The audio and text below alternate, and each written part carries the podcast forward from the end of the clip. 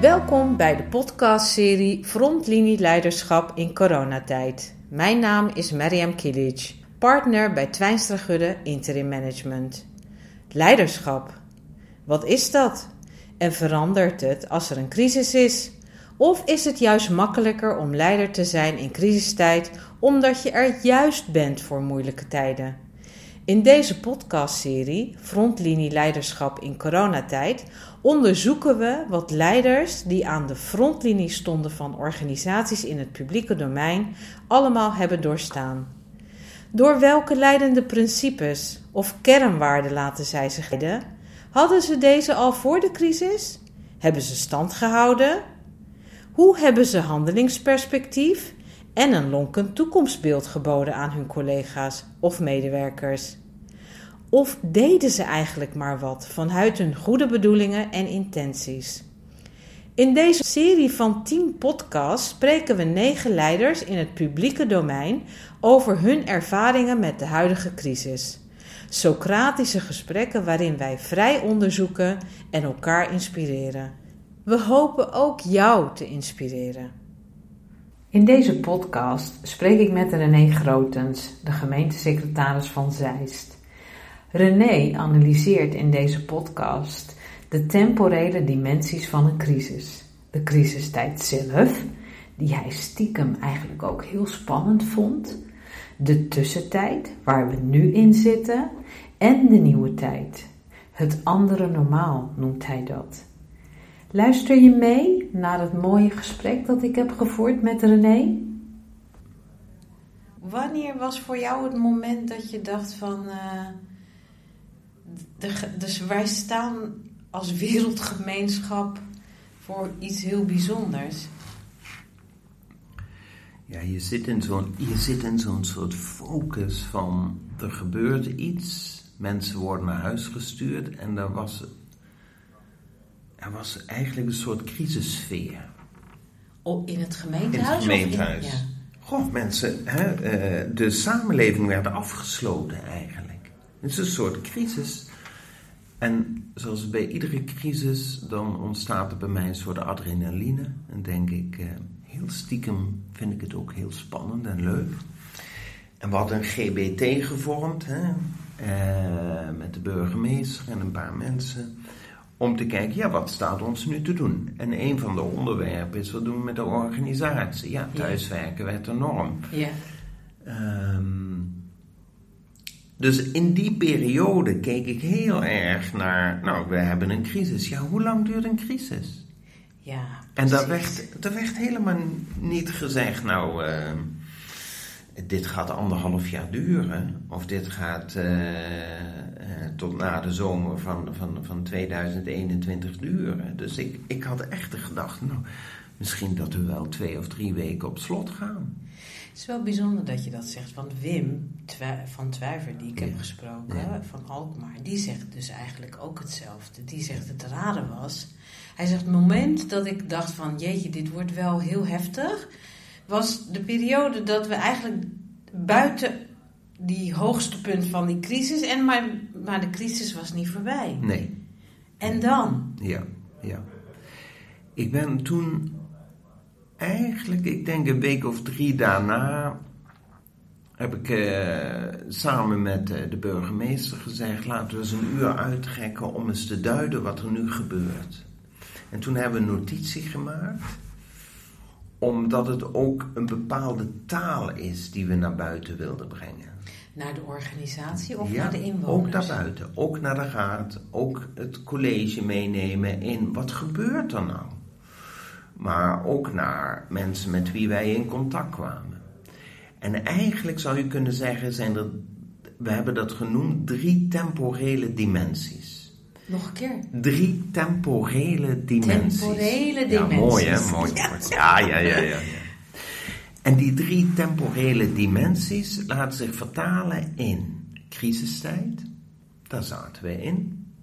Dan komt er een soort tussentijd. Mm. En dan een nieuwe tijd. Hm. Het andere normaal. En jij zegt, nou, het is bijna voorbij. En ik zou bijna willen zeggen, We zitten misschien in een soort tussentijd en we komen straks in een, in een ander normaal. Ik ben heel erg benieuwd hoe je daarnaar kijkt. Ja. Want waar, je zegt, zitten we nu in de tussentijd? Voor sommigen wel en voor sommigen niet. Voor sommigen zitten we nog in de crisis. Kijk, dat is het, ja, het, het moeilijke aan deze tijd. Namelijk dat wij, en wie is wij, maar wij in het algemeen in verschillende dimensies kunnen zitten. Als er iets bij mij thuis is gebeurd waarin een familielid is overleden, of waarin mijn partner zijn baan is kwijtgeraakt, of een bedrijf heeft en s'nachts niet meer slaapt omdat de omzet zo gedaald is, dan heb ik een andere tijdsbeleving dan wanneer ik denk: hé, hey, ik heb net mijn vaccinaties gehad en hè, de wereld gaat weer open. En dat, dat maakt het wel heel erg moeilijk. Want wij moeten heel erg oppassen voor vervreemding. En die tussentijd, ja, dat, daar kun je op verschillende momenten inkomen. En de ene zit er langer in dan de ander. En we zijn dus op weg naar het nieuwe normaal. Wat is dan het nieuwe normaal? Daar kunnen we het straks even over hebben. Maar het, het fenomeen van crisis na een tussentijd, uh, in mijn ogen betekent dat dat iedereen op een verschillend moment in een situatie komt waarin die met de bagage uit de crisis ja, weer in, in een periode stapt waarin er wel vooruitzicht en perspectief is, maar op een zeer verschillend niveau.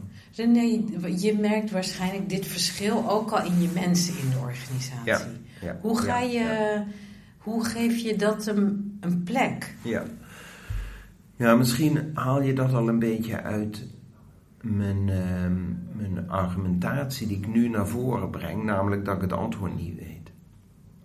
En hè, ik ken mensen die zeggen, ja, leiderschap betekent het antwoord geven we slaan linksaf, we gaan, we gaan dit doen, de gemeente uh, deuren gaan open, die mensen mogen naar binnen, die niet. Ja, oké, is dat dan de waarheid? Ik weet het niet. Kijk, um, vanuit dat principe zie je ook dat er bij onze medewerkers heel verschillend wordt gedacht.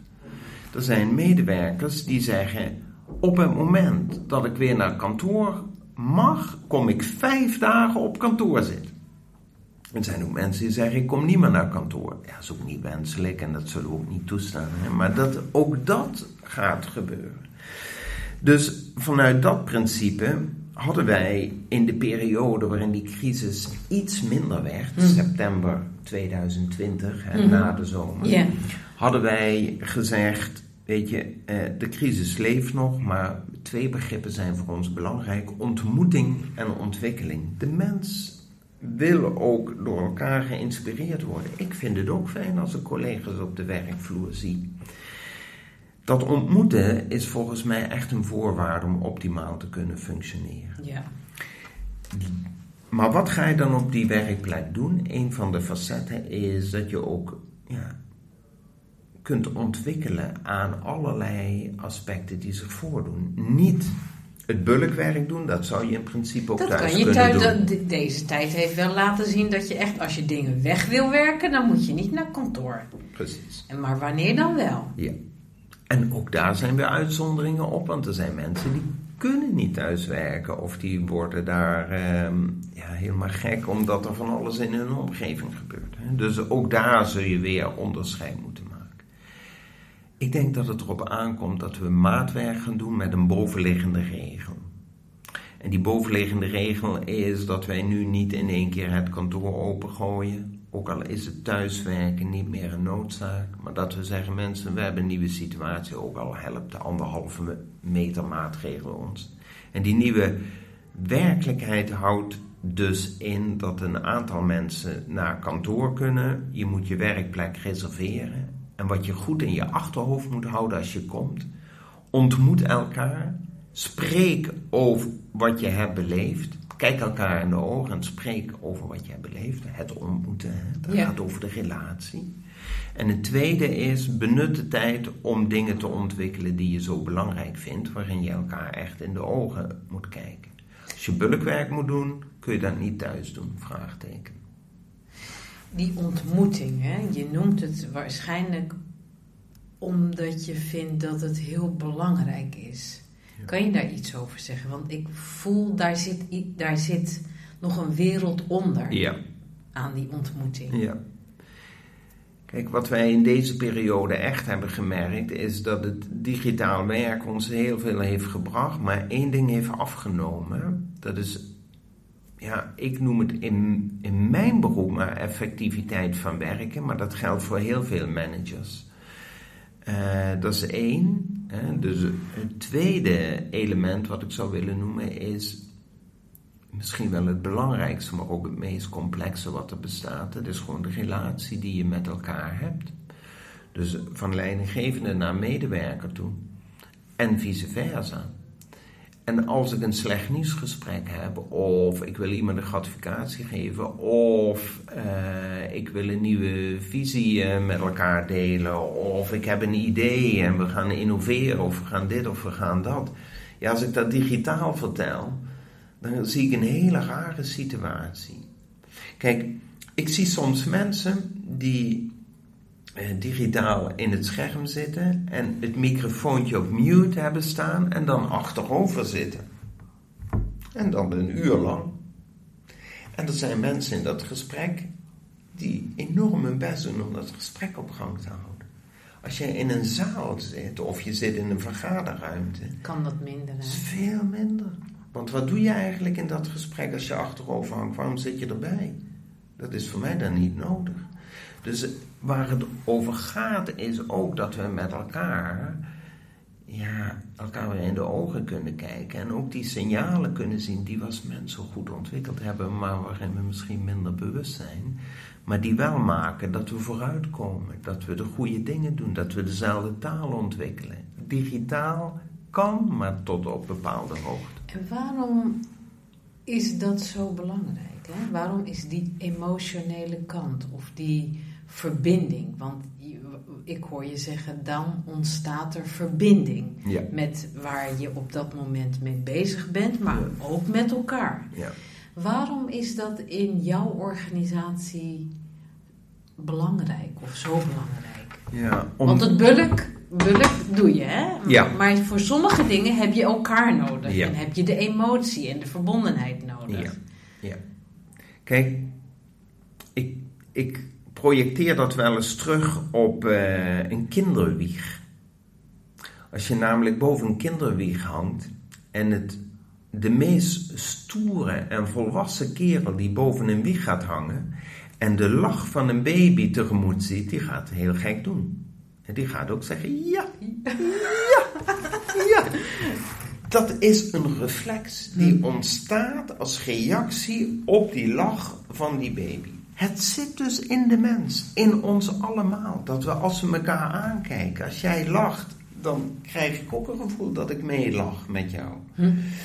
En dat digitaal is dat een stuk moeilijker. Niet onmogelijk, maar je wordt geremd daarin. Dus je hebt elkaar, dat is ook gewoon psychologisch gegeven, je hebt elkaar zichtbaar nodig in beweging, in gelaatsuitdrukking.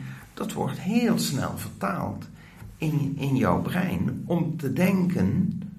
De vraag is of het dan nog zo is, hè, maar om te denken hoe de ander erbij zit. Of wat de ander uh, denkt, of de ander jou begrijpt, of de ander jou juist niet begrijpt, of jou niet wil begrijpen. Al dat soort facetten heb je nodig in de persoonlijke ontmoeting met mensen. Mhm. Echt essentieel. En uh, jij hebt een hele organisatie vol met uh, dienaars, hè? Ik noem, voor mij zijn overheidsfunctionarissen zijn dienaars, hè, want die zorgen voor een betere samenleving. Wat maakt dat, is, is zeg maar deze verbinding, de emotie met elkaar belangrijk in het kunnen dienen of dienstbaar kunnen zijn? Ja, absoluut.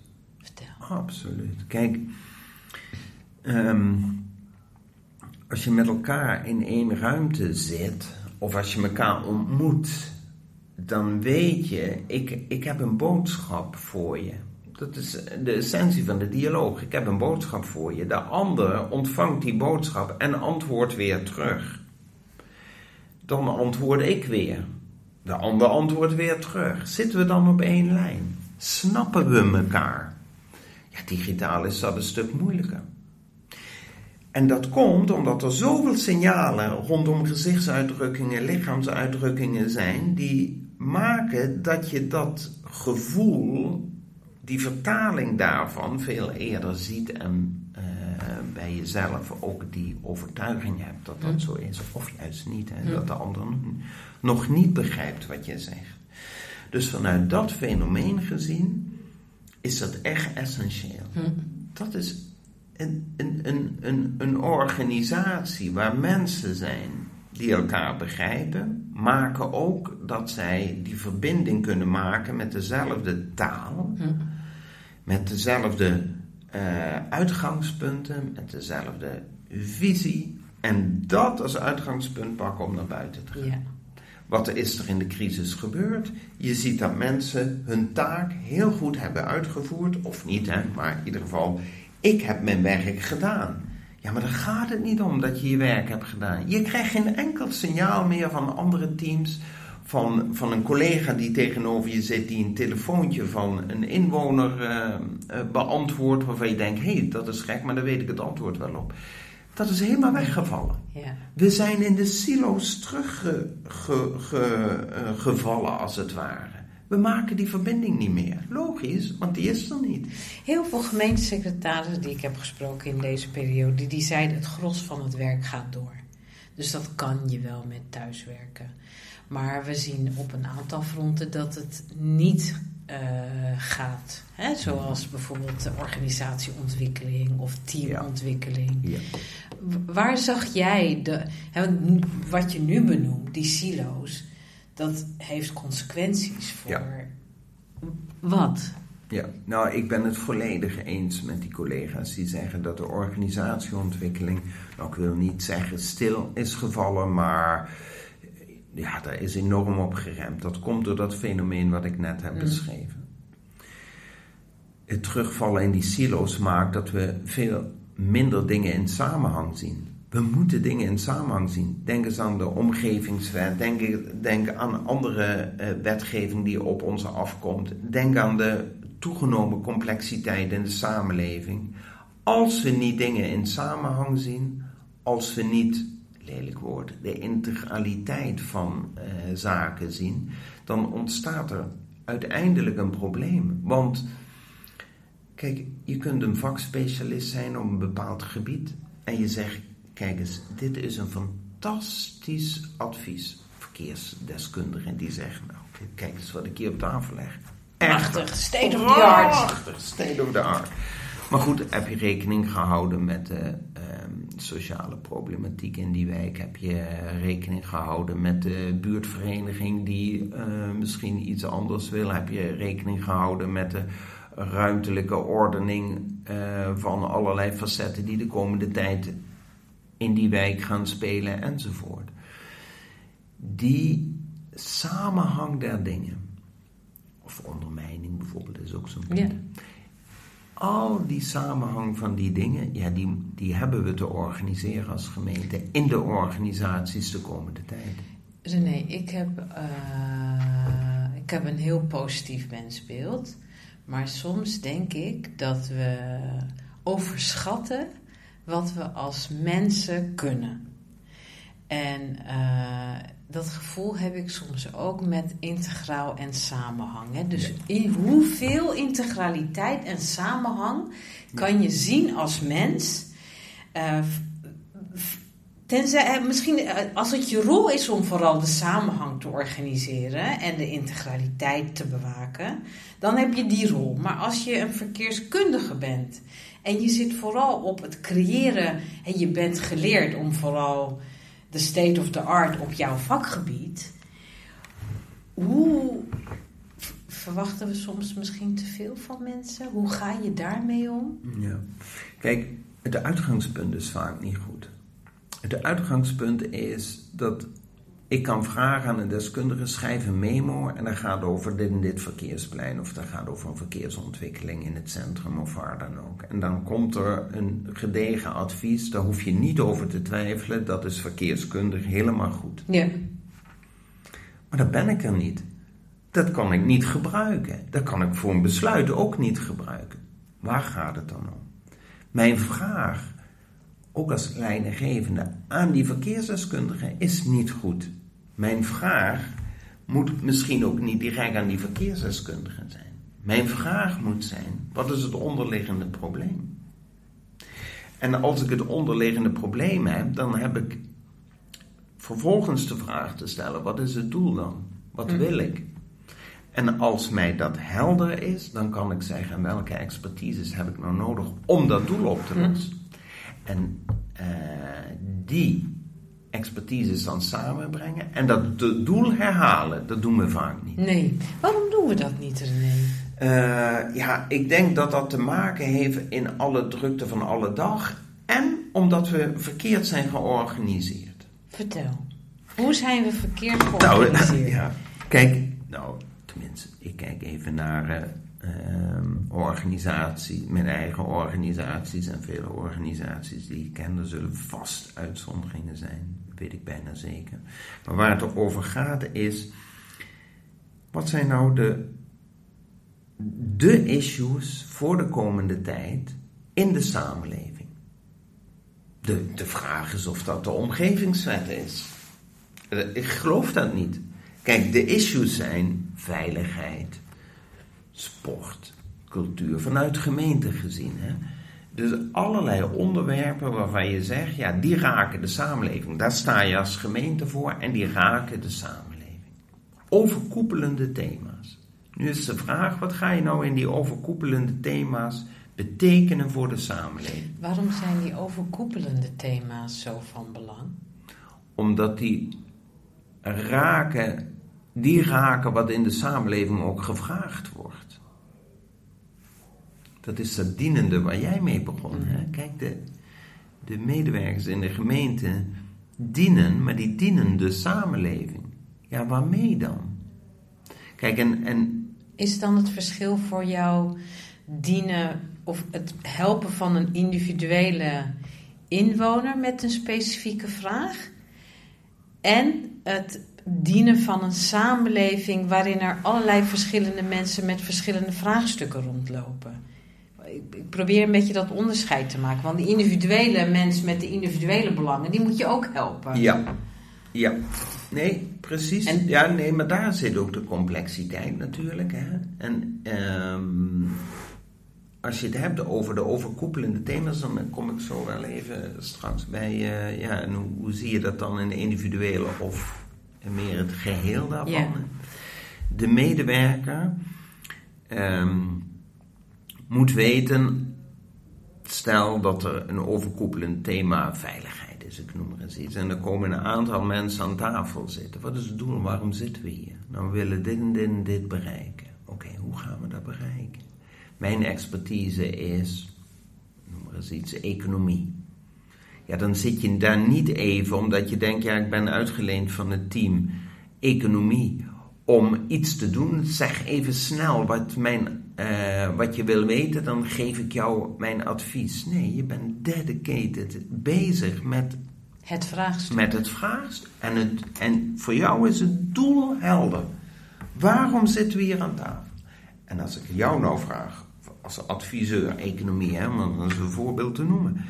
Hoe kijk jij nou naar deze problematiek? Nou, dan, moet, dan krijg je een hele andere perceptie dan dat ik vraag, schrijf memo en dat gaat hier en hier en hier over. Nee, je moet weten wat er speelt in het bredere perspectief. Hm. Hebben we zelf iets uit te leggen aan mensen? We hm. leggen veel te weinig uit. Dus we moeten ook die, die breedte daarvan echt neerzetten. Ehm, en ik ben het met jou eens, hè, dat triggert ook als jij zegt: um, verlangen wij niet te veel van mensen. Want dat heeft ook natuurlijk met leiderschap te maken. Dat je zegt waar de grenzen zitten, maar ook wat je verlangt van mensen. Hm. Hoe doe jij dat?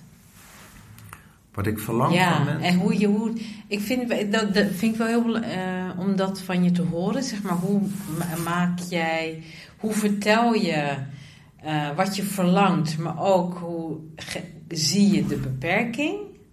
En een andere vraag is ook, uh, je zei we leggen te weinig uit, uit aan onze inwoners. Daar ben ik ook wel benieuwd naar. Hoe je dat in de meer ideale wereld of misschien in het nieuwe in zeg maar de nieuwe fase waarin we naartoe gaan na, dat, na die tussenfase, hè? hoe dat er dan uitziet.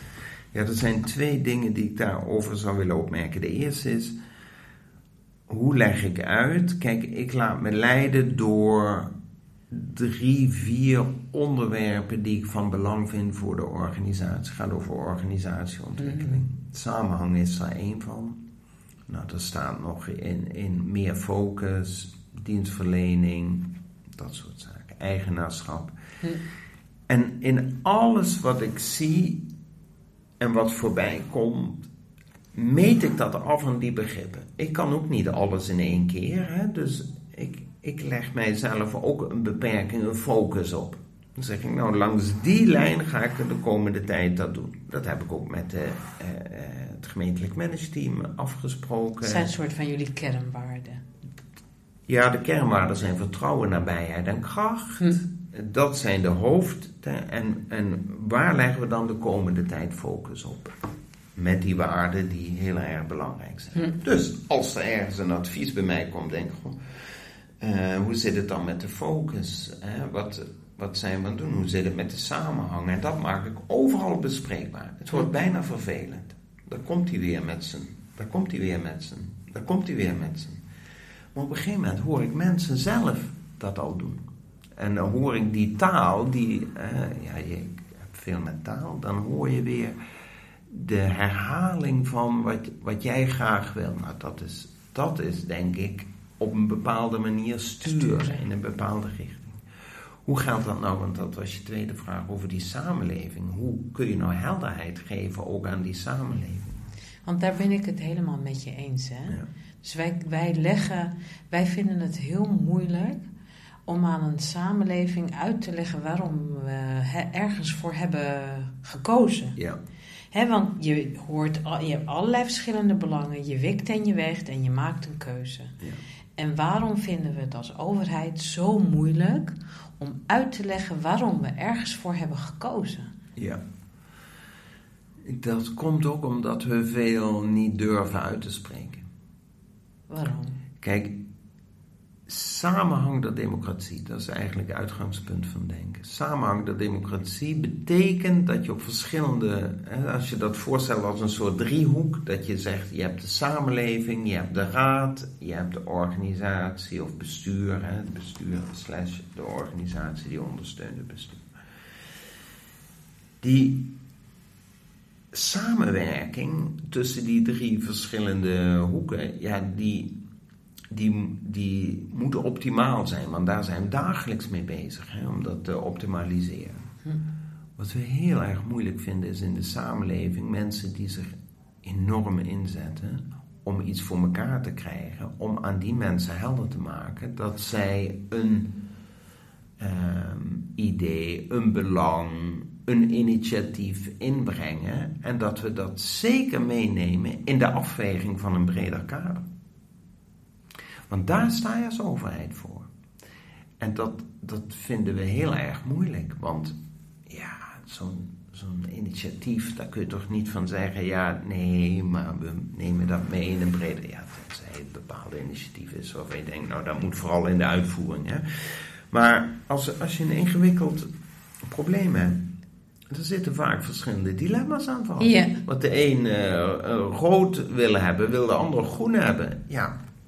Ja, wat je niet moet doen is daar ergens een tussenweg in zien te vinden. Maar je moet helderheid scheppen over welke belangen er nog meer zijn. En dat je dat initiatief zeer op prijs stelt, maar dat je dat meeneemt in een, in een bredere belangenafweging. En daar sta je als overheid voor.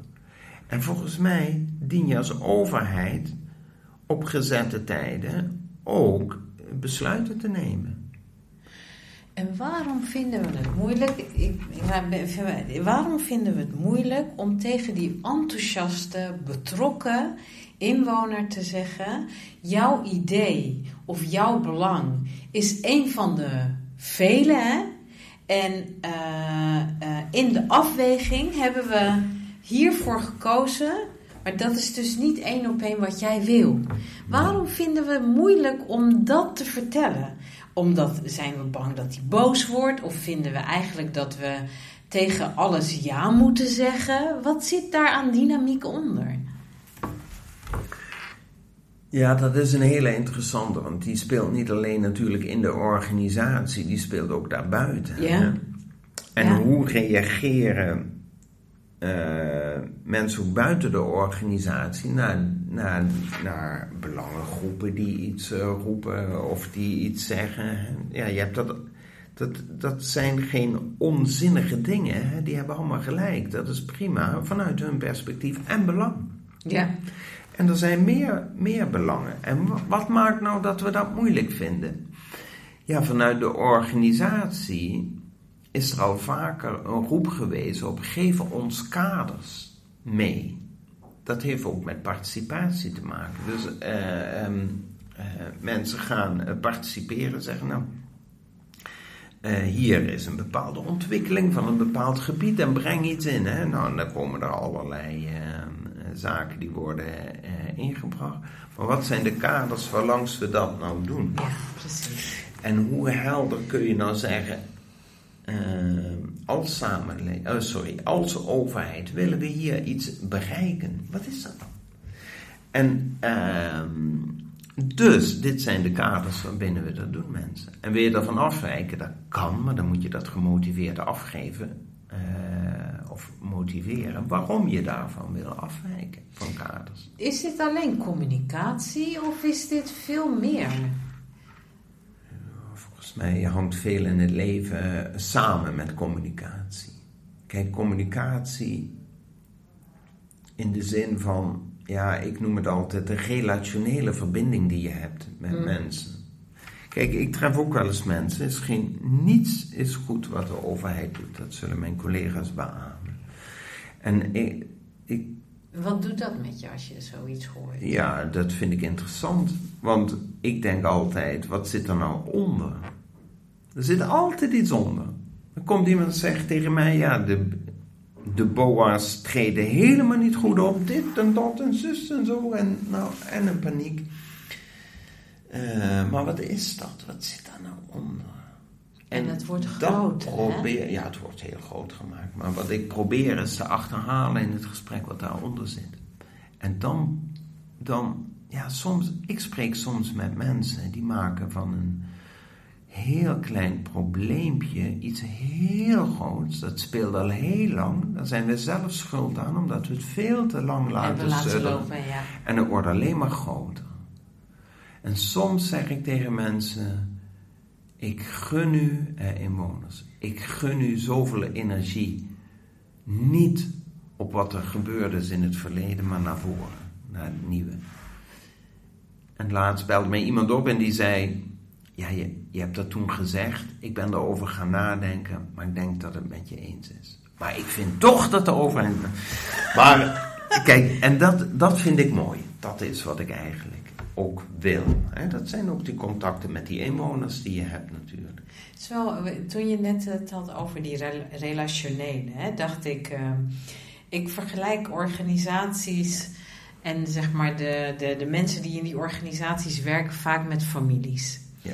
Uh, je kan in families ervoor kiezen om. Uh, uh, met, met iedereen ruzie te hebben. En dan heb je geen contact. En moeders die met, niet met zoons praten. Of zussen die elkaar niet hebben gezien.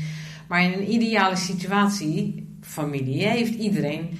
En je komt elkaar toch tegen altijd. Dan is het een begrafenis, dan is het een bruiloft. Dus de kunst is, zeg maar, hoe ga je toch met elkaar een systeem creëren waarin je met elkaar een soort van kan samenleven met verschillen en on, oneenigheden. Eigenlijk zijn organisaties ook een beetje subsystemen. Dus een beetje een familie ook, hè? Want uh, soms zie je collega's meer dan dat je je vrouw ziet of dat je je kinderen ziet. Wat is voor jou belangrijk in zo'n familie, zeg maar, metafoor in een organisatie waar jij ja, toch als leider beetje de vaderfiguur of misschien soms de moederfiguur bent? Ja.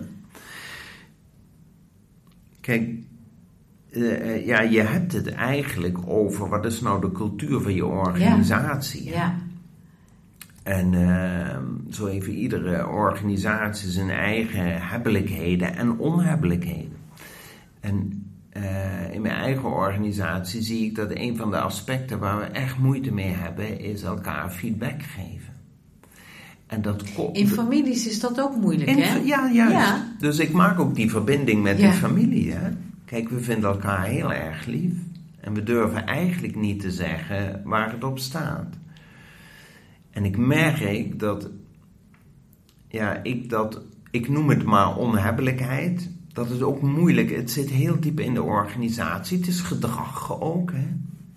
En verander maar eens gedrag van mensen. Maar, um, heeft dat iets te maken ook met de DNA van Zeist? Ja, dat heeft te maken met... Vertel eens. Ik, van, ik zie namelijk de DNA van een stad...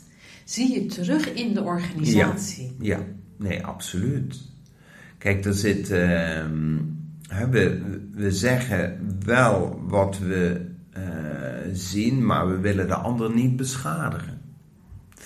En... Uh, je ziet dat ook terug in allerlei fenomenen. Hè? Bijvoorbeeld eh, de raad, uh, de raad gaat met heel. Er wordt wel politiek bedreven, maar het wordt zelden tot nooit op de, op de man gespeeld. Mm. En, uh, Wat eigenlijk ook wel mooi is. Ja, ik vind dat heel mooi. En dat is ook een van de mooie punten in de organisatie. Hè? Dat uh, roddelen en achterklappen en anderen beschadigen, ja, dat wil ik niet in mijn organisatie. Roddelen heeft een goede functie, hè, daar niet van. Maar het gaat er niet om dat mensen beschadigd worden. Um, maar als dat ertoe leidt dat we elkaar niet zeggen wat we denken, omdat we vinden dat jij het, iets hebt laten liggen, ontneem je de andere ontwikkelmogelijkheden. Ja. Dus dat vind ik wel een mooie. Je ontneemt de ander de mogelijkheden om zich verder te, te ontwikkelen. Ja. ja. Ik bel wel eens managers op en dan zeg ik: Goh, ik heb die e-mail van jou gezien. Maar wat me daarin opvalt zijn toch deze en deze woorden. En ik moet je heel eerlijk zeggen, dat irriteert mij. Oh, ik zeg, uh, Waarom denk je dat mij dat zou irriteren? Dan krijg je een prachtig gesprek en uh, mensen vinden, vinden dat ook heel waardevol. Als ik dat doe, merk ik dat ik dat ook terugkrijg. Dan zeggen mensen, nou, uh, waarom zeg je dit? Of waarom doe je dat? Want dat roept bij mij dit op, of dat roept bij mij dat op. Ja, dat wil je. Maar dat is dus een mooie wat je zegt, hè? Met het, het resultaat van de feedback, of het gevolg van de feedback moet zijn een goed gesprek. In plaats van meningsverschil, ruzie. Ja. Wat, is het, wat doe je om te voorkomen dat je vanuit de feedback naar een ruzie gaat in plaats van een goed gesprek? Ja, ook dat heeft te maken met wat zit daar nou onder. Waarom stuurt iemand nou zo'n e-mail met die woorden? En dan, dan, daar kom je wel achter in een goed gesprek. En je komt er ook achter, de ander komt erachter wat dat met een ander weer doet. Of met mij doet. Ja. En zo kom je samen verder. Kijk, en dat, eh, dat heb je echt nodig in een organisatie. Dus geen dingen, ook als leidinggevende, geen dingen laten liggen. Niet denken, oh, dat is die persoon of dat is die persoon. Als je, als je echt denkt, nee, dit, dit, dit raakt de organisatie of dat is niet goed, dan, dan moet je daar tegen optreden. En optreden, daarmee bedoel ik niet als een erin uh, gooien uh, van hey, gij zult dit en dit en dit. Soms, heel soms. Hè. Maar waar het om gaat is dat je probeert in en een veilige omgeving toch dat gesprek met elkaar aan te gaan. Ik hoor jou vooral een vragen stellen. Ja. In plaats van je mening te geven. Ja, dat probeer ik wel. Wanneer lukt het niet ermee? Wanneer denk je, en nou is het afgelopen. Ja. Ik geef mijn ongezouten mening en ik ga er met een bottenbijl in. Ja, dat komt wel voor, maar dat zijn mijn reflectiemomenten weer. En dat komt, ja, als ik nu al zo lang wacht op dit, of zo lang dit, en ik heb toch al drie keer gevraagd, en hoe kan het nou dat dit, en dan, dan, dan ik er met de botten bij. Mm. Vinden mensen soms heel moeilijk, en dat is voor mij weer een reflectiemoment. Hmm, wat voor reflecties ontstaan er dan? Nou had het ook anders gekund. Ben ik wel duidelijk geweest aan de voorkant van wat ik verlangde? Oh ja, dat is een mooie vraag. Kijk, en ehm, maar weet je, kijk, op het antwoord op de vraag die jij net stelde. Hè? Ik hoor jou vooral vragen stellen. Ik denk dat de, het leiderschap van deze tijd vooral geënt is op het stellen van de vragen in complexe omgevingen. Niet als er een crisis is. Als er een crisis is, ik heb ook tijden bij Defensie gewerkt. Ja, als er dan een crisis was en je zei, nou mannen, voorwaarts, mars. En er stond iemand op en zei, ja, dat zeg je nu wel, maar kan ik eens even met je eh, praten of dat wel zo verstandig is op dit moment? Ja, hè? Heb je in het begin van deze crisis ook niet gedaan? Nee. Dus er waren heel veel mensen die zeiden: eigenlijk vond ik eh, die adrenaline waar jij het net over had Ja. en die crisissituatie, die was heerlijk. Ja. Zo gaan we het doen. Ja. En er waren mensen die zeiden, ja, nee, ja, je, je zegt dat nu wel, eh, we gaan, eh, we gaan eh, thuiswerken, maar ik ga dat niet doen. Nou, dat ga jij ook doen. Ja. Dat is crisis, hè? Ja. En dan wegwezen, het gebouw uit, hè? Bewijzen van spreken. Ja. Maar, nu- naarmate, kijk, en dan heb je nog managementproblemen van alle dag. Ja, die, die kunnen heel ingewikkeld zijn, maar die zijn oplosbaar. Dat loopt langs de lijnen van een proces. IKEA kan zo bouwen als er een goede beschrijving bij zit. Lukt ons dat allemaal? Zelfs een raket bouwen, hè? lukt ons allemaal als er maar een beschrijving bij zit. Ja. Maar echte complexe problemen, dat gaat over de relaties die wij met elkaar hebben. Eh, de verschillende belangen die er zijn en hoe, hoe gaan we daarmee om? En dan bedoel je met name verschillende belangen in een samenleving. Ja, maar ook eh, binnen college, eh, Ja. binnen de raad en, en hoe die zich allemaal tot elkaar verhouden, al die actoren, daar ben je als gemeentesecretaris voor. En dan gaat het erom om de goede vragen te stellen. Niemand heeft er wat aan om alleen maar de hele dag de meningen te horen wat jij ervan vindt. Ik zeg vaak, wat je vindt moet je naar eh, politie brengen. Dus waar het om gaat is dat wij met elkaar de goede vragen stellen in complexe omgevingen.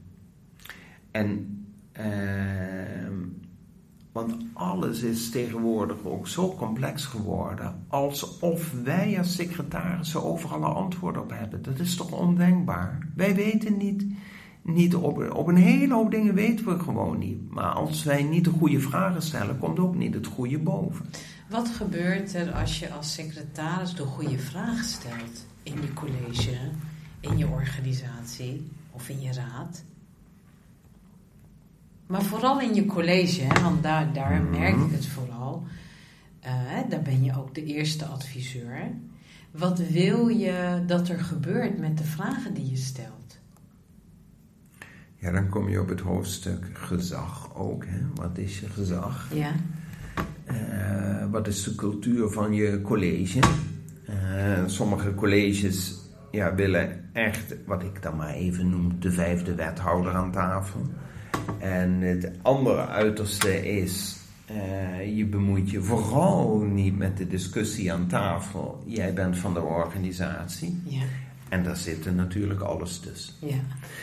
Ehm, dus het is heel belangrijk om, om goed te beseffen wat vraagt dat bestuur nu van mij? Wat voor vorm van secretarischap wordt hier vormgegeven? Hm. Daar moet je bij passen. Want als ze een vijfde wethouder vragen en je bent dat totaal niet, ja, zit je dan wel op je goede plaats. Hm. En het omgekeerde idem dito. Dus eh, voor mij is heel erg het gegeven van de secretaris primair in het college. Zorg dat de voorstellen kwalitatief van voldoende niveau zijn. Dat is één. Twee, ben alert op zaken die gebeuren tijdens dat college. Dat de besluiten die worden genomen, dat die wel eh, zodanig effect hebben, ook voor het college, dat dat wat hun intentie is ook daadwerkelijk gebeurt. Dat ze, dat, niet dat er allerlei heibel komt eh, binnen de raad en binnen. Daar moet je ook alert op zijn. En een ander aspect wat je heel goed voor ogen moet houden is dat je uh, hen dingen meegeeft in de uh, zaken zoals ze ter tafel komen, zonder primaire mening te hoeven geven. Kan je daar iets meer over zeggen? Want wat voor dingen zeg je dan bijvoorbeeld? Want dat doe je ook omdat je wilt dat er goed wordt bestuurd. Want uiteindelijk al je interventies aan tafel zijn bedoeld vooral, we hebben het over het doel, hè, dat er ordentelijke besluiten worden genomen daar aan tafel. En um, wanneer ben je extra bewust of extra alert? Ik kijk naar het college als een team. Hmm. Um, in sommige gemeenten is dat wel anders hè, als je kijkt naar wethoudersmodellen, uh, waarin de wethouders. Maar in het algemeen kijk ik naar colleges als een team, ook in Zeist. Ik zie dat als een team. En dat team heeft een belangrijk besluit te nemen. Maakt niet uit welk collegebesluit, dat kan enorme gevolgen hebben voor mensen. Het gaat voor mij niet primair om wat er nu op dinsdagochtend daar op tafel ligt, hmm. maar wat daarvoor gebeurt. Hmm. En als er dingen zijn waarvan ik denk, hé, hey, dat zit niet lekker, dan interveneer ik. Dus dan kijk ik of het zo is dat we misschien nog iets moeten doen met de wethouder eh, contact opnemen of vragen aan de ambtenaar om met de wethouder contact op te nemen of uh, met uh, meerdere, twee wethouders even om tafel van, joh, kijk even hier nou, want dat raakt elkaar, is dat wel verstandig om te doen. Dus dat interveneren, dat zit vooral aan de voorkant. Hm. Dat moet je niet op tafel doen, vind ik zelf. Ben je te laat? Hm. Want het besluit, het, het ligt bijna klaar voor het besluit. Wat ga je dan nog doen? Ik teken ook zelden onder ondertekenen, dus dat ik het wil bespreken, het stuk. Um, omdat ik denk dat de stukken die op tafel liggen, daar in hun bestuurlijke dimensie tot hun recht moeten komen en de kwaliteit is dan voldoende om dat te doen. Daarom teken ik nooit onder. Nee. En het gaat er niet om of ik het ermee eens ben of niet mee eens ben. Uh, dat is een afweging die bestuurlijk wordt gemaakt. Ja. En de effecten daarvan moeten voldoende omschreven zijn in het stuk. Wat ik ook het mooie vond aan de collegetafel, is dat een, onder, een besluit wordt vaak genomen op een portefeuille van één wethouder. Ja. Maar die heeft niet alleen gevolgen voor dat of die portefeuille, maar eigenlijk breed. Andere wethouders moeten zich ook realiseren. Wat, wat besluiten we eigenlijk als we ja zeggen tegen dit? Hè? Ja. Dat vond ik ook wel een mooie, om dat inzicht te laten ontstaan daar aan tafel. Ja, ja daarom noem ik het ook een team. Hè? Um, wij hebben er echt veel geïnvesteerd in om elkaar ook als team te zien. Hmm. ook in coronatijd? Ja. Uh, ja, dat ging in het begin alleen maar digitaal natuurlijk. Maar dan wel twee keer per week. Oh ja. In plaats van één keer, per week. En um, ja, ook veel hijsessies, niet, niet in coronatijd, maar daarvoor hijsessies ja. gehad. En ja, dat is nodig om elkaar te leren kennen. Wie ben jij? En wie ben ik? Waar ben ik opgegroeid? Wat zit in mijn rugzakje? En daarom reageer ik zo tijdens collegevergadering als wethouder. Mm Of misschien ook als secretaris. Mm Want dit zit in mijn rugzakje. Mm ik kan soms um, achterover uh, hangen en kijken wat er gebeurt. Alles wat er gezegd wordt, vertaal ik voor mezelf naar uh, verbetering, ontwikkeling in de organisatie. Dus als ze zeggen, ja, ik ben hier niet op aangesloten en men gaat door met het gesprek, dan denk ik, oké, ik ben er niet op aangesloten. Dat is gek, dat had wel moeten gebeuren. Waarom is dat niet gebeurd? Waarom niet uh, aangesloten? Smiddags heb ik een terugkoppeling, nu digitaal. Eh, daar zitten de schrijvers van alle collegevoorstellen, maar ook andere mensen. En dat maak ik een leerproces van. Dat vond ik wel mooi, want heb je, dat had je me eerder verteld. Mm. Dus wat je doet, veel gemeentesecretarissen krijgen het verwijt dat ze of te veel van het college zijn, of te veel van de organisatie eh, zijn. En ehm, hoe hou jij dan evenwicht? Dat, want je bent, er, je bent er voor allebei, hè? Ja, zeker. zeker. Ehm, ja, het is maar net wie dat zegt. Hè? Je bent, ben je van het college. Als, als dat vanuit het college wordt gezegd, je bent vooral van de organisatie, dan moet je oppassen. Hè? Waarom? Nou. Dan voel ik omdat, je, omdat ze zich tekort gedaan voelen. Ja, ja, Ja. ja, ja. Eigenlijk is het een sch- behoefte aan. Eigenlijk is het een compliment, hè? Ja, Want als ze zeker. niks van je moeten hebben, zeggen ze niet: je bent Nee. er vooral voor de Nee. Dan speelt dat een zijs niet. Maar ik probeer vooral wethouders te begeleiden in, ehm, in, ehm, ja, in hun doen en laten. Eh, ook als ze het moeilijk hebben of, eh, of niet. Soms ten aanzien van bepaalde dossiers, dan, ja, dan willen ze toch graag eh, het advies hebben of even sparren wat is nodig en wat is niet nodig. Ehm, Kijk, de, de organisatie zelf, ik probeer die brug te maken. Ik vind soms dat de organisatie te veel denkt. eh, ik druk op de knop, collegevoorstel verzonden, Klaar. klaar. Dan begint het pas. begint het, ja, inderdaad. Kijk, en die lijn, dat, dat probeer ik veel meer vorm te geven. En, en dat kan in de zijstroomgeving, veel medewerkers zitten ook bij eh, collegeleden aan tafel. Ehm, dus ook zij moeten en krijgen een gevoel van, ja, wat drijft nu zo'n bestuur? Waar, zijn ze, waar is het bestuur mee bezig? En dat is echt essentieel van, van beide kanten. En soms is ook in het eh, college waarin ik opmerkingen maak over de organisatie, om ook het college bewust te laten zijn van wat er speelt in de organisatie. En omgekeerd ook. Dus Dus niet van elkaar scheiden of Nee. beschermen, maar elkaar beter begrijpen. ja, wel met respect voor elkaars rol. Hè? Mm. Ja. Hm.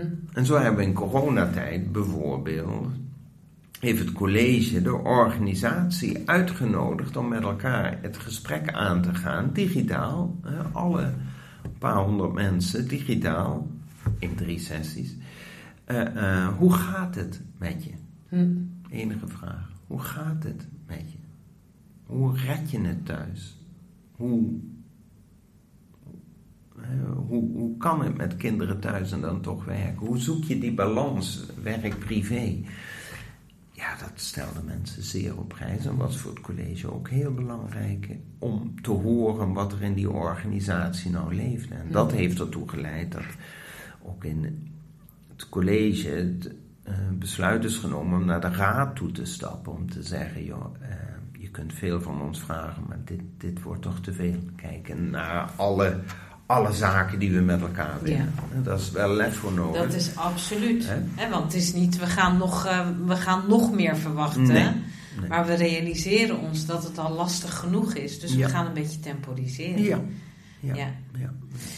Ehm, René, die, jij zei ni- niet terug naar het oude. Hè? Ja. Ik hoor bij jou een verlangen, een soort van la- laten we leren van deze crisis. Ja. Ja. Wat, wat zijn de dingen waar, waarvan je hoopt of verlangt dat we dat anders doen? Dat we dat echt achter ons hebben gelaten. Ja. Ik hoop dat wij wakker zijn geschud dat vijf dagen in een gemeentehuis zijn niet de oplossing is voor heel veel problemen. Ook de verbinding met de samenleving heeft in de afgelopen periode niet stilgestaan en is ook digitaal aan de slag gegaan. Ehm, en dat heeft ons zoveel tijd bespaard. En, ehm, en ik hoop dat daardoor ook meer ruimte ontstaat ruimte in de zin van denken, ruimte in de zin van uh, werk-privé-balans, ruimte in de zin van de verbinding zoeken, ook met de samenleving. Hm. Kijk, uh, nu is het zo dat, uh, dat geldt ook voor mezelf, ik soms, ja, als je in je eigen omgeving of in je eigen stad of dorp moet zijn, dan stap je op de fiets en dan ben je tien minuten later of een kwartier later ben je op de plek waar je wezen moet. Hè? dat valt nog allemaal mee. Maar in ons vak zie je ook dat je soms in de auto moet stappen, anderhalf uur rijdt, een uur een vergadering hebt en dan weer anderhalf uur terug.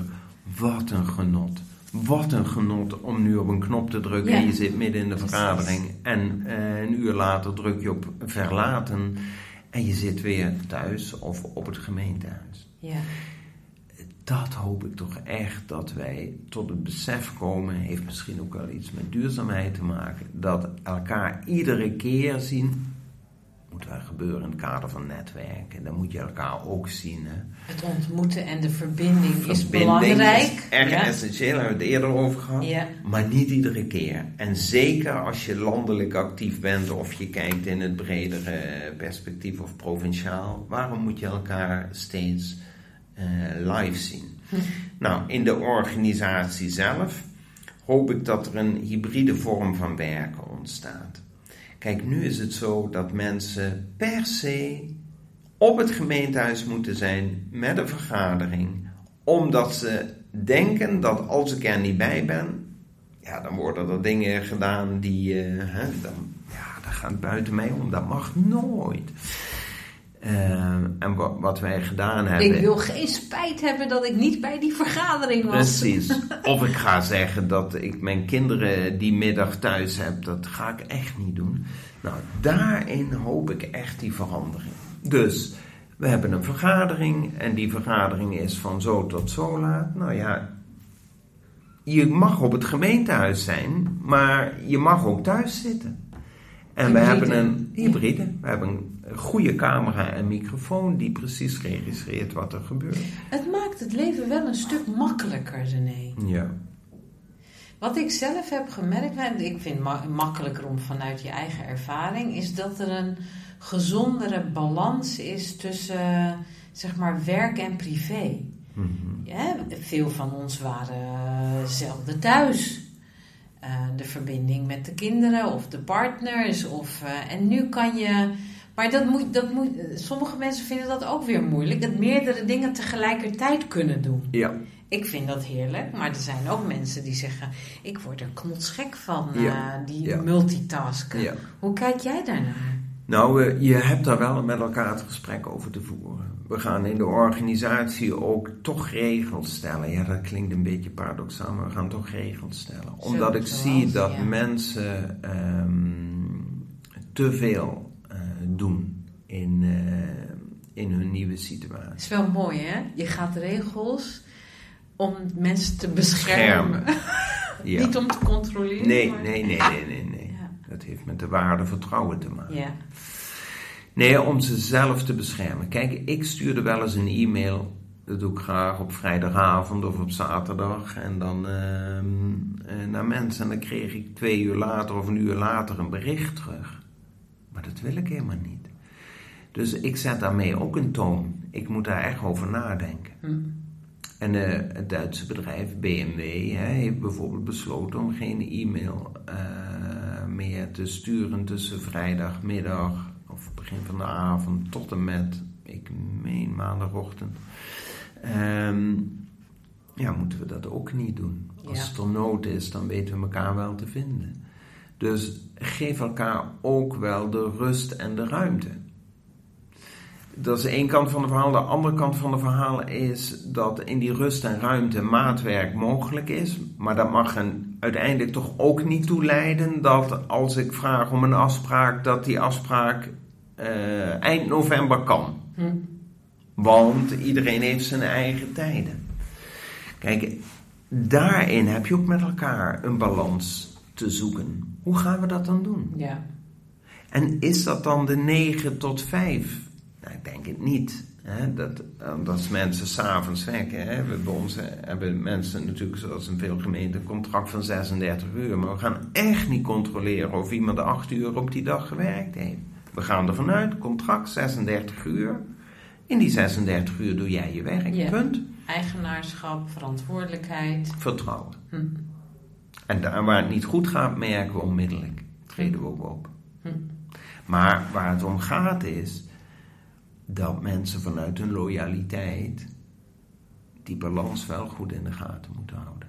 En ik heb gemerkt dat in de afgelopen coronacrisis het aantal mensen wat die balans niet goed in de gaten kon houden, hoger is geweest dan voorheen. Maar hoe komt dat, René?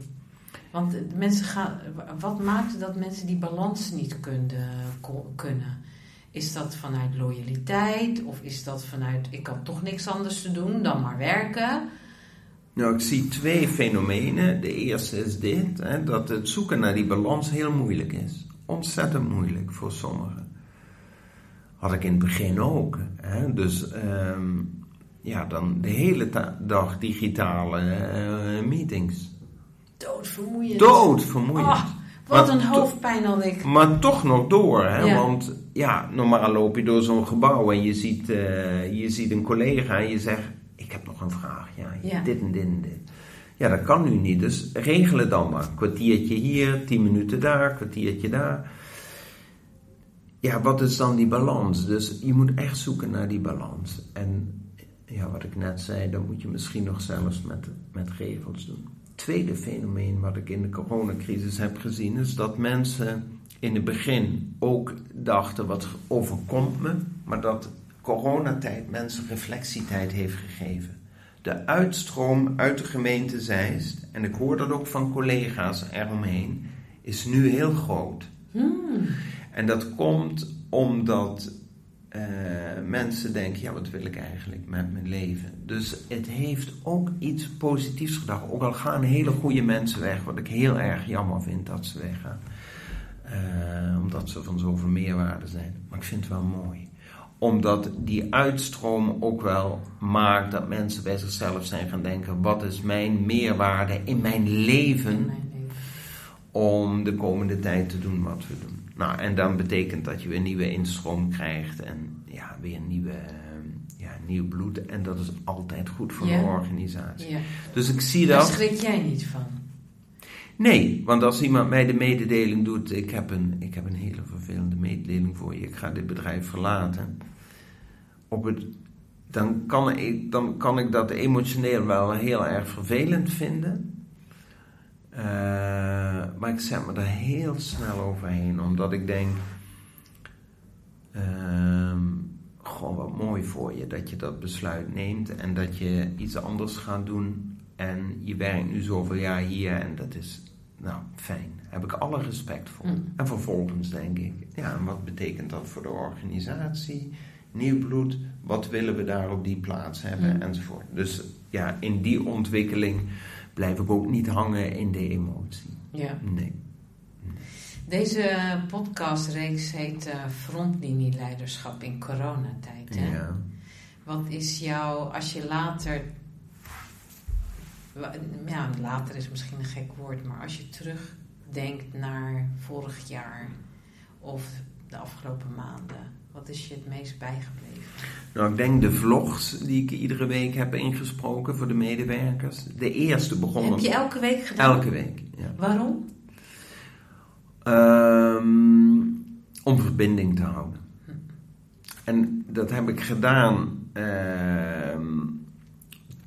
tot januari en daarna om de twee à drie weken. Is wel mooi, hè? want uh, Harry Timmermans, die we ook hebben gesproken, die heeft een vergelijkbaar iets. Die hebben een dagboek gemaakt. Ja. En Wim vertelde ook uh, dat zij ook wekelijks hebben gecommuniceerd, of hij of samen met de burgemeester. Ja. Jij hebt dat dus ook gedaan. Ja, ook een keer de burgemeester. En um, in de um, vlog, mijn eerste zin was altijd: hoe gaat het met je? Dan een stilte laten vallen en dan door. En het ging bijna altijd over coronatijd. Op een gegeven moment merkte ik dat ik aan het herhalen was. Hmm. En Dus ik dacht erover, goh ja, wat is nou eigenlijk de boodschap? Moet het wel doorgaan? Dus ik, ik gooide dat hengeltje uit bij een aantal mensen dat ik zei, ehm, ik weet niet of ik daarmee moet doorgaan, want ik merk dat ik aan het herhalen ben. Wat voor dingen herhaalde je bijvoorbeeld? Nou, let goed op jezelf, zorg voor de werk-privé-balans. Eh, als je kinderen ook nog les moet geven en werken en dit en dan, dat, dat gaat niet. Uh, zorg voor structuur, dus dat betekent trek ochtends een jas aan, stap op je fiets. Ga 10 minuten fietsen alsof je naar het kantoor rijdt. Maar kom weer thuis, doe je jas uit, pak een kop koffie en ga naar boven. Ja. En dat hebben mensen gedaan. En die, ik kreeg van alle hoeken uit de organisatie ook uh, mailtjes. Of WhatsAppjes. Maar eh, mensen hadden ook heel erg behoefte aan die vlog, aan die verbinding. Dat was hun houvast, bleek. Dus daarom heb ik het zo lang volgehouden. Ja. En nu, eh, nu um, hè, dat we in een soort tussentijd terecht zijn gekomen, denk ik, ja, nu oh, komen we ook weer in een omslag, dus doe ik het om de twee of drie oh, weken. Ja. ja. En wat nog meer? Uh, die meeting met, uh, met het college hebben we gedaan. En we hebben naar het format... Digitaal met de medewerkers. Ja, digitaal met de medewerkers. Ja. En we hebben naar het format van De Wereld Draait Door, hebben wij genoemd Zijs Draait Door. Dat hadden wij, ik geloof vier keer per jaar, één keer rond de kerst in de zomer en dan nog twee keer daartussen, hadden wij zo'n meeting waar al het personeel welkom was. Um, en we hadden onze eigen Matthijs van Nieuwkerk met zijn sidekick. En nou, grandioos georganiseerd met die tunes en weet ik wat. Echt leuk. Nieuwe medewerkers stelden zich voor. Vertrekkende medewerkers uh, kregen een podium. Nou, heel veel uh, dingen die leefden in de organisatie kwamen zo uh, aan bod. We zijn wel een stuk creatiever geworden. Hè? Ja. De crisis heeft ons wel creatiever gemaakt. Ja, want toen kwam die crisis en mocht dat niet meer fysiek. Dus dat werd zij draait door radio. En dat met een hogere frequentie, eens per maand. Hm. En uh, nou, ook op een middag. En je kunt dat aanzetten. En je kunt uh, al werkend uh, dat met de achtergrondgeluid. Nou, dan werd ik gebeld. En hoe ik erin zat. Of een wethouder werd gebeld. Of nieuwe medewerkers Wie werden gebeld. dat programma? Medewerkers? Medewerkers. Wat leuk. Ja.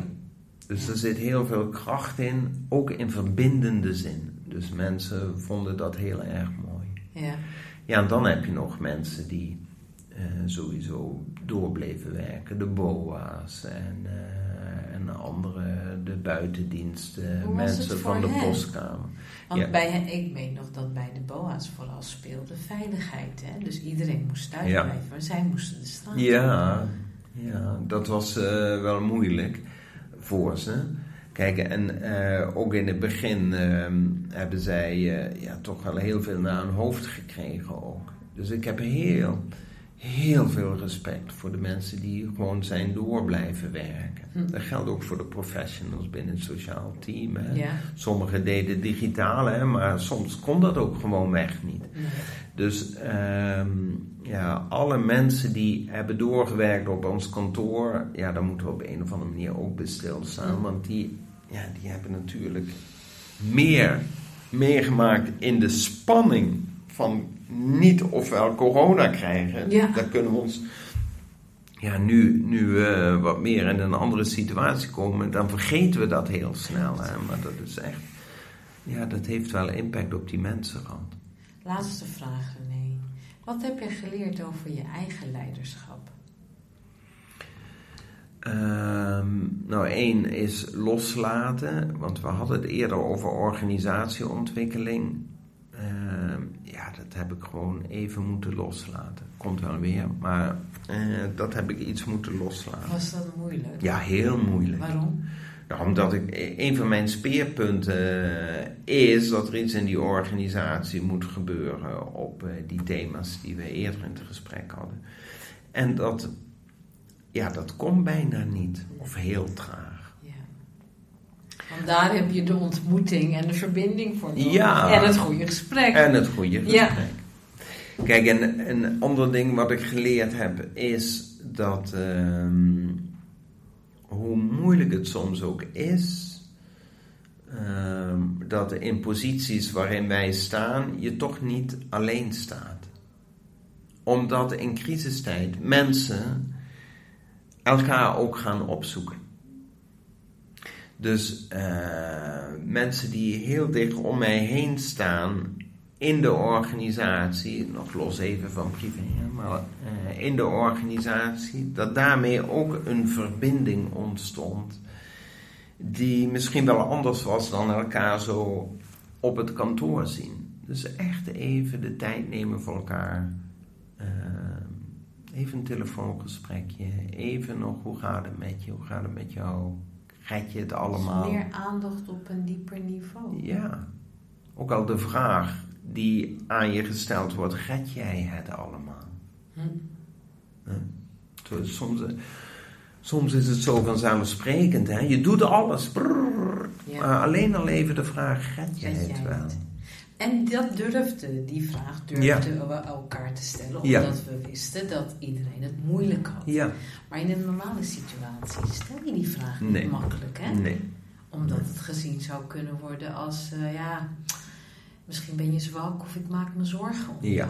En nu kon het. Nu kon het. Ja. En ik heb heel erg geleerd dat uh, een van de meest complexe factoren die er ooit is geweest, nog steeds complex is, maar wel het belangrijkste, dat is de mens en de relatie die we daarmee hebben. Zo veel vanzelfsprekend in het dagelijks leven. En als dat opeens wegvalt, omdat je elkaar niet meer kan zien, dat je denkt, ja, dat regelen we met technische middelen dan komt er toch het besef dat die technische middelen fantastisch zijn, maar dat het niet de invulling is van datgene wat maakt dat je de meerwaarde in je leven kunt zien en kunt hebben voor je organisatie, voor je samenleving. En dat, dat besef is bij mij veel harder uh, binnengekomen. Ja, ja. mooi. Ja. Mooi. De mens en de relatie. Ja, echt allebei noodzakelijke voorwaarden om het goede eh, te doen. Ja. Je merkt dat je mens bent in relatie of in interactie met een ander mens, heeft iemand een keer gezegd. Ik weet niet meer. Uh, dus als je helemaal alleen bent, wat, dan ben je ook mens, maar de interactie maakt een soort van de menselijkheid. Ja. Ja. Ja. En er zit nog een tweede fenomeen aan. Kijk, ik er is een Canadese filosoof, die heet Taylor. En die, die heeft gezegd: Ik heb tijd en gebeurtenissen nodig voor mezelf om te rijpen. Tijd en gebeurtenissen. Dus eh, je loopt soms met, met je hoofd tegen de muur of dingen gaan niet lekker. En tijd en gebeurtenissen ja, die coronatijd, de coronatijd en de temporele dimensies, hebben we echt nodig gehad, denk ik, om te beseffen hoe belangrijk de ander voor ons is. Hm. Je bent geen rationele leider die allerlei beslissingen neemt die ook de computer zou kunnen nemen. Nou wisten we dat al langer, maar nu hebben we dat in, het, in de dagelijkse praktijk gezien, wat dat betekent. En wat dat met jezelf doet en hoe je ten opzichte van de ander staat. Niet dat we allemaal nu heel zacht zijn geworden, daar gaat het niet om, maar wel dat we zien dat de relatie heel erg nodig is. Ja. De verdieping daarvan. Ja. ja. Mooi. Dankjewel René voor dit mooie gesprek. You're welkom. We gaan zien wat de toekomst ons allemaal nog gaat brengen. Ja. Het is heel boeiend. We hebben een prachtig vak. We leven in een prachtige tijd. Prachtige uitdagingen. Nou ja, je moet gewoon de, de vreugde daarvan blijven zien. Ja. ja. En het vertrouwen hebben. En het vertrouwen hebben.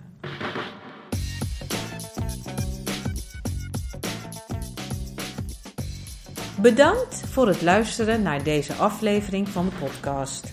Op onze website twijnstragudde.nl slash frontlinie vind je alle informatie over deze en toekomstige afleveringen en kun je vragen stellen.